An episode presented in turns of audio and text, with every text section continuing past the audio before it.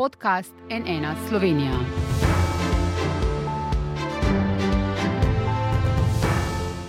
Dobr dan, to je NN studio. Od srede od 20. ure in 30 minut imamo v Sloveniji dva predsednika vlade.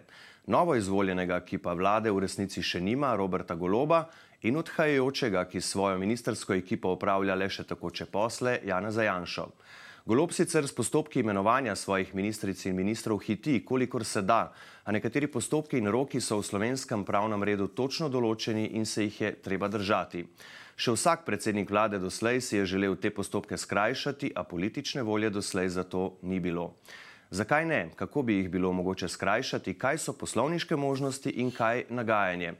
O tem z gostom, z mano v studiu je redni profesor ustavnega prava na Ljubljanski pravni fakulteti, dr. Igor Kavčič. Dobr dan, dobrodošli. Hvala. Eh, dr. Kavčič, predsednik nove vlade je torej potrjen, mora pa državni zbor zdaj še imenovati njegovo ministersko ekipo. Jutri se začnejo zaslišanja kandidatov na pristojnih parlamentarnih odborih. Če ne bo zapletov, bo vlada imenovana že v sredo. To bi bilo res eno od hitrejših imenovanj v zgodovini 38 dni po volitvah.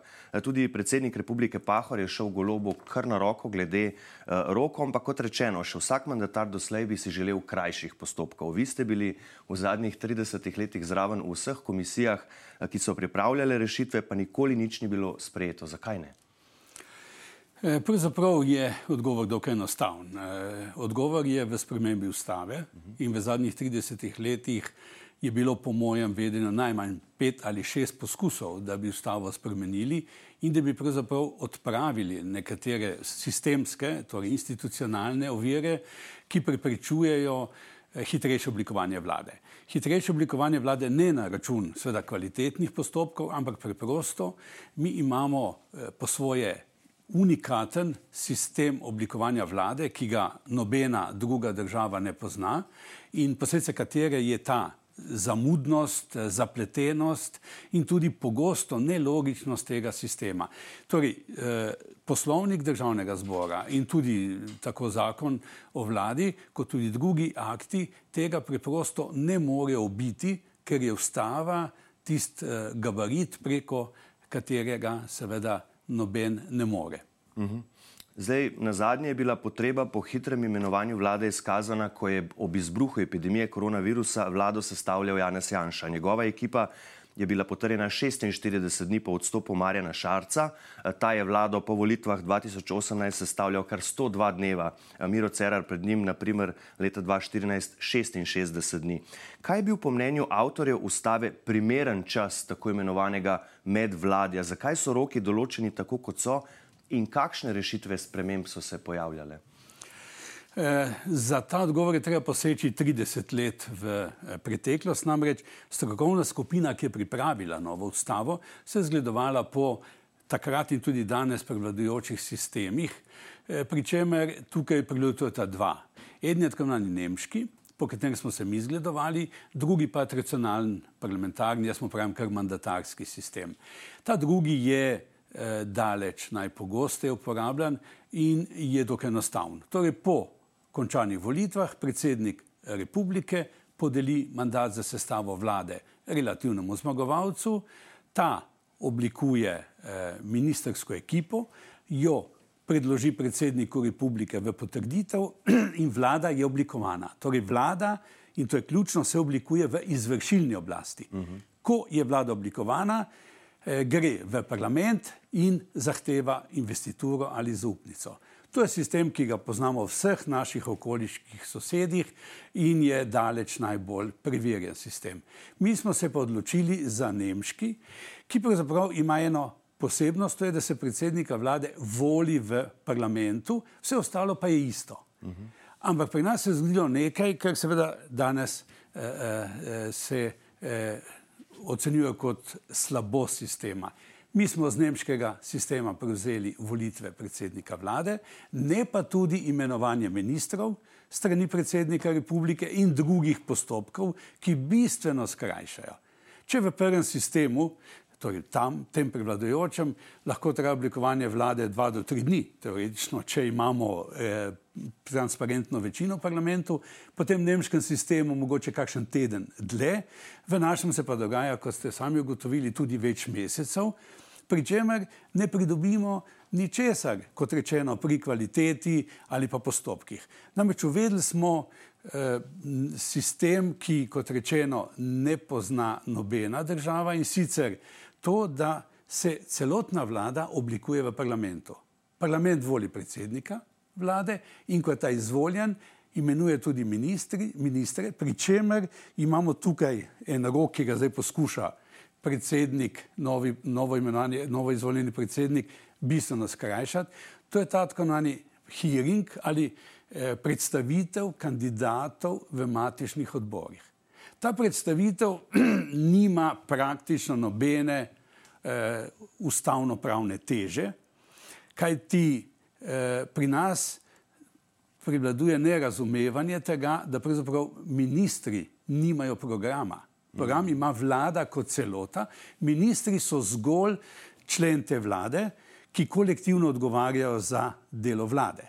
Torej, ta predstavitev eh, ministrov, kandidatov za ministre je nek ritual, kjer, kot veste, se konča z nekim glasovanjem, ki sploh nima vpliva na samo glasovanje o ministerski ekipi, kajti ta se eh, imenuje v sklopu, v celoti. Skratka, imamo cel kup razno raznih postopkovnih ovir, jaz temu pravim, ki ničesar ne prispevajo k kvalitetni oblikovanju vlade. Zato seveda toliko bolj eh, presenetljivo, da eh, doslej nobena eh, parlamentarna večina, potrebna seveda ustavna večina, ni zmogla eh, tega poguma, tega, tega eh, jaz bi rekel, nujnega koraka. Eh, pri čemer eh, je treba, ker to ni nobena, nobena uganka, zakaj je temu tako, kot ste vodoma vprašali, preprosto državni zbor se doslej nikoli v 30 letih ni odrekel nobeni pristojnosti na tako enem kadrovskem področju, ker seveda želi, zlasti vsakokratna opozicija, imeti neko vlogo, če tudi namišljeno, pri eh, oblikovanju vlade.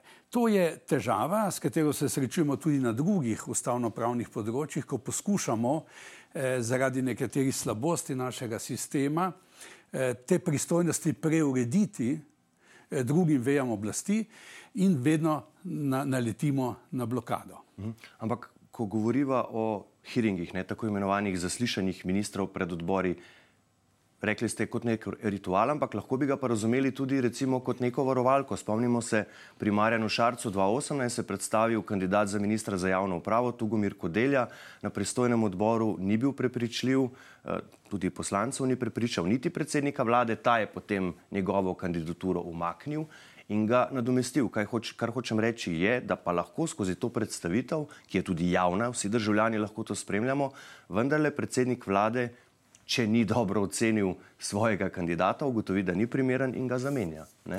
Res je. Ta primer je edinstven, ne? to mm. je treba priznati.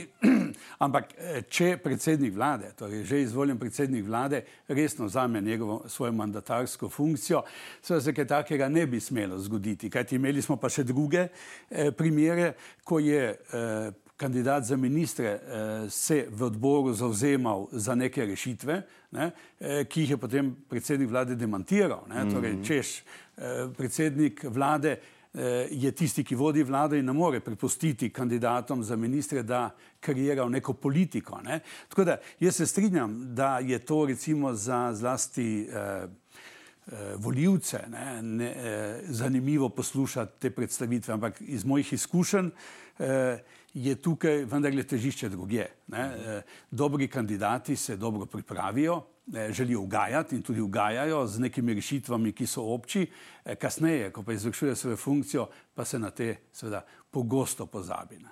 Mhm. Je pa tako, ne? ta postopek pomeni tudi za kasneje, če bi želel predsednik vlade kakšnega od ministrov zamenjati, za goloba nekateri njegovi sodelavci že neformalno ocenjujejo, da bi bil lahko tak, če ne bo zadovoljen z delom ministra, da ga bo kar po hitrem postopku zamenjal. Ampak tu je težava. Predsednik vlade ne more odstaviti v Sloveniji svojega ministra, lahko državnemu zboru predlaga razrešitev in potem spet odločajo poslanke in poslanci, ali pa če se z ministrom dogovori, da pač ta sam odstopi z položaja. So bile tudi tu predstavljene morda v preteklosti kakšne rešitve, da bi tudi te postopke, da lahko predsednik vlade hitreje zamenja svojega ministra, če ne dela dobro, če ni kompatibilen z drugim in tako naprej? Žal, to je logična posledica tega prvega, torej ta eh, sistem, uh -huh. po mojem, posem eh, neustrezen, se zdaj nadaljuje tudi v tem delu, ki mu pravimo odgovornost ministra. Torej, če v normalnem, torej parlamentarnem sistemu predsednik vlade kadarkoli in brez vsakešnjega postopka zamenja svojega ministra, je pri nas ta postopek dolgotrajen, tudi traumatičen. Naj spomnim, eh, naj spomnim razrešitev eh, takratnega ministra za okolje Karla Javca. Uh -huh. eh, prihaja tudi do zelo komičnih situacij eh, pri tej, eh, pri, v postopku razrešitve. Torej, predsednik vlade je zgolj in samo predlagatelj cel postopek, tako kot pri oblikovanju vlade, tudi pri odgovornosti ministrov, je v državnem zboru. Ne samo, ko gre za razrešitev, tudi državni zbor lahko sproži interpelacijo in razreši ministra, ki ga ne, teoretično, recimo, predsednik vlade ne želi mm -hmm. eh, razrešiti. Skratka, tu imamo eh, ta sistem, ki po mojem mnenju nelogičen, eh, nadaljuje v te razne postopke, ki so neobičajni. Naj spomnim, da interpelacijo o delu ministra, ne, ki je pri nas zelo pogosto uporabljen institut, da ne rečem že zlorabljen, ne, ga v teh parlamentarnih sistemih sploh ne poznajo. Uh -huh. V parlamentu odgovarja vlada kot celota in ne posamezni minister. Zato predsednik vlade še kako skrbno premisli, koga bo predlagal oziroma v teh sistemih imenoval za ministre, da ne bi potem vlada kot celota imela v parlamentu, kateri, kateri odgovarja za svoje delo, svoje težave. To je, to je ta posebnost, ki pravim, ko se na začetku že sprejme neka rešitev, kot v naši ustavi, in ima potem dolgoročne posledice, pri čemer sam pogosto pravim, da te rešitve, svojstvene slovenske posebnosti, v ničemer ne pripomorejo ne k učinkovitosti vladanja, ne k večjim eh, pristojnostim parlamenta, ne kvalitetnejšim eh, kadrovskim rešitvam in podobno. Skratka, jaz to razumem zlasti kot eh, neko v zgodovini slabo premišljeno potezo, eh, ki bi jo morali eh, odpraviti in sprejeti rešitve, ki so uveljavljene v parlamentarnih demokracijah Srednje Evrope že stoletje. Ja, bomo videli, kakšna bo politična volja v tem mandatu, ampak kot sem že na začetku povedal, en teden bomo očitno imeli dva predsednika vlade. Ne? Golobu tudi že pripada premijska plača, varnostniki tudi pisarna uh, v vladni palači na Gregorčičevi, ki jo je sicer zavrnil.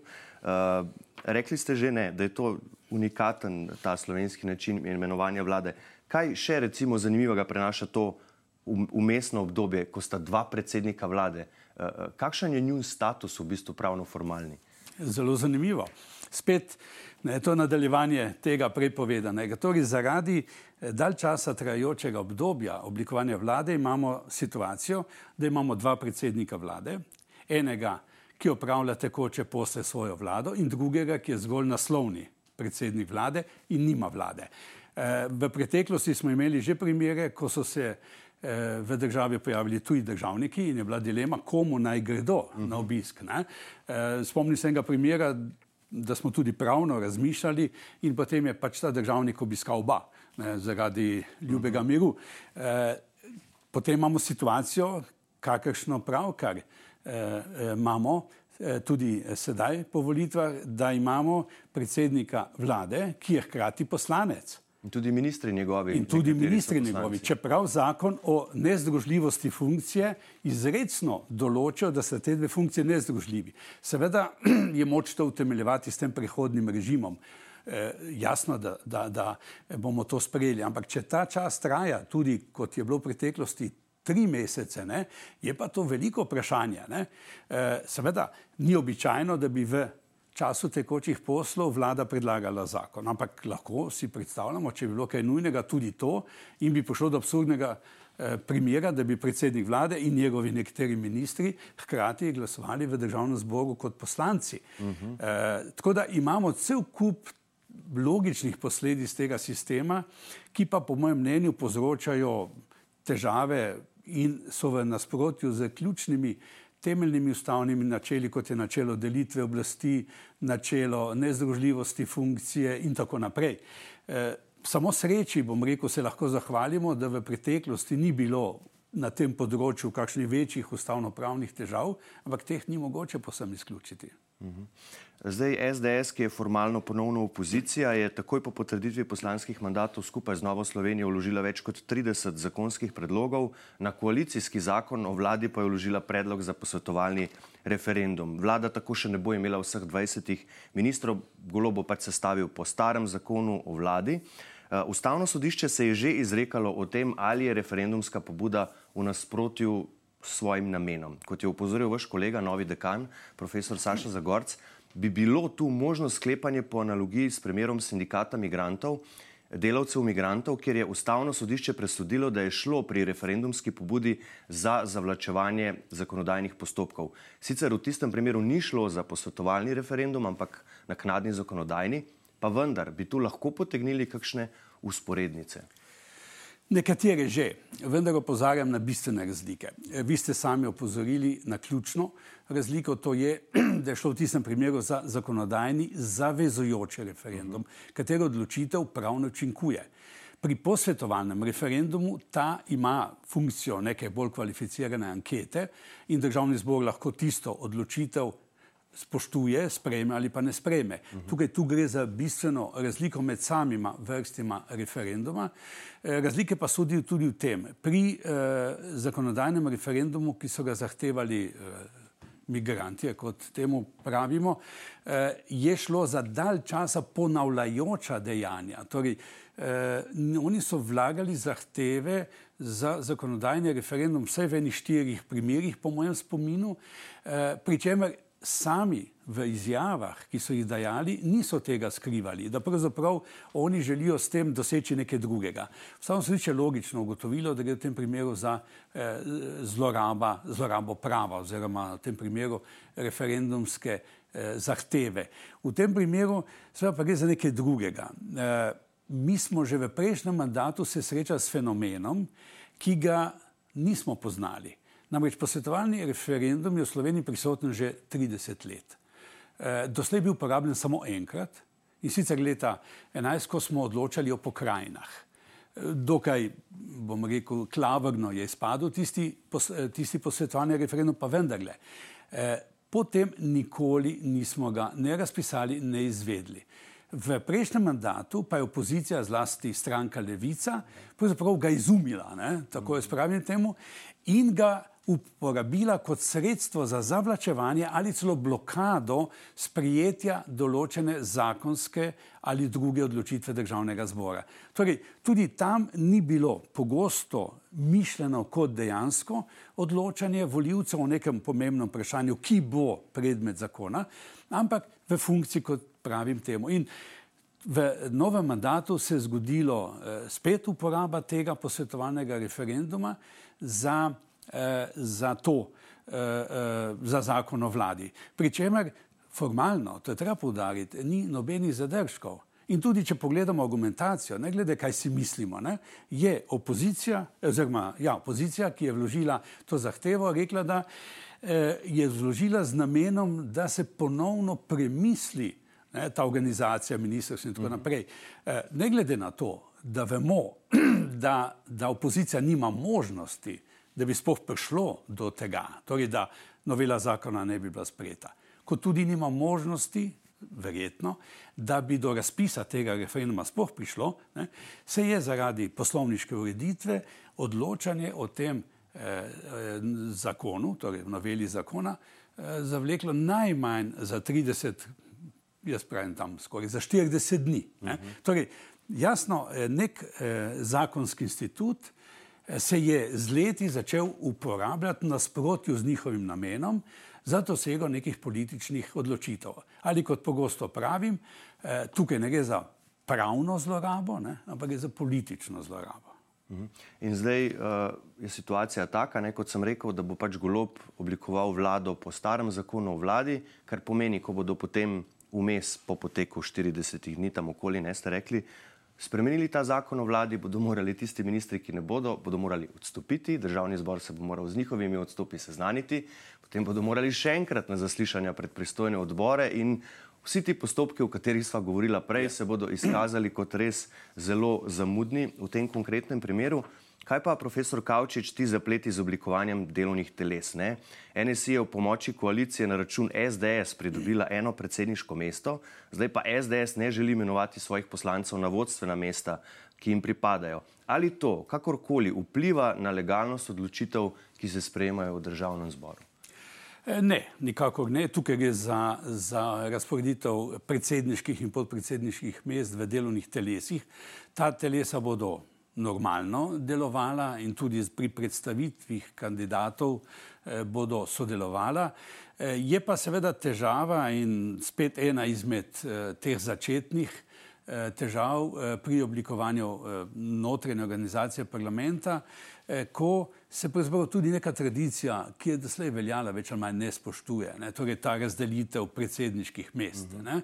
e, kolikor vem, bo tem odločala tudi poslovniška komisija. E, očitno je, je bilo v začetku dogovorjeno, tako kot je veljalo doslej, potem pa je z, naknadno z amandmajem do, tega, do, tega, do te spremembe pošlo, eni celo ugibajo o prvih iskricah v opoziciji. Uh -huh. Eh, ker Nova Slovenija tudi tega ne skriva, ker je deklarativno povedala, da je zdaj popolnoma druga situacija kot prej. Prej so imeli eh, koalicijski sporazum na vladi, sedaj je vsaka stranka zase opozicija. Ne?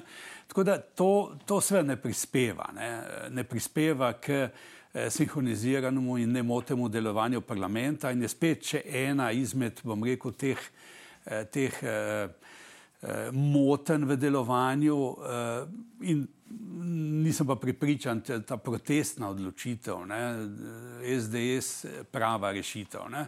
Mislim pa seveda, da se lahko državnemu zboru tak rahlobit poslovniške in siceršne parlamentarne prakse lahko maščuje pri drugih imenovanjih. Namreč vedeti morate, da se bo zdaj množično glasovalo o različnih kadrovskih rešitvah. Ne?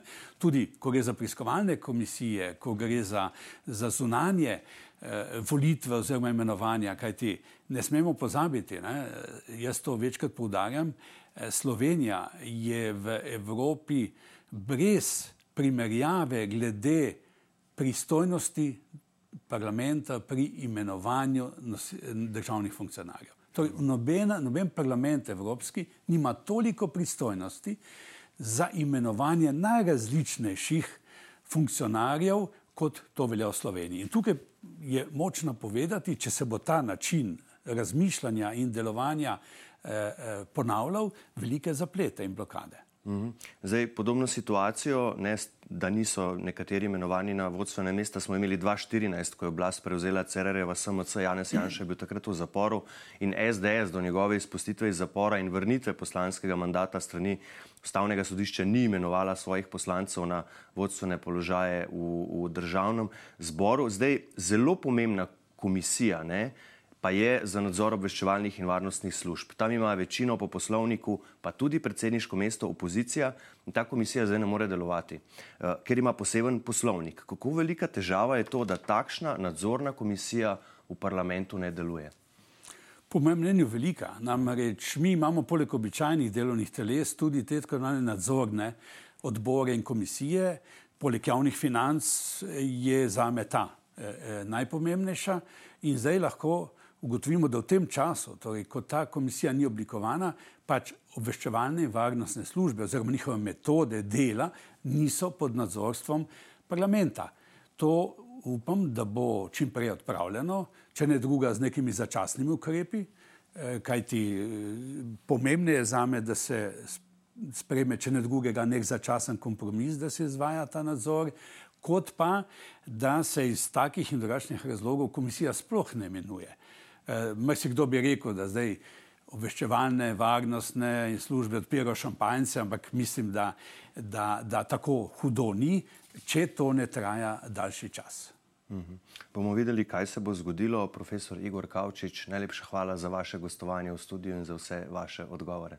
Hvala vam za povabilo. Hvala pa tudi vam za vašo pozornost. Seveda bomo na NN pozorno spremljali vsa zaslišanja ministerskih kandidatov, ki se, kot rečeno, v državnem zboru na odborih začnejo jutri. Zato nas spremljajte, vse bomo spremljali na nn.info.si. Iz studija pa le še lepo zdrav in nasvidenje. thank you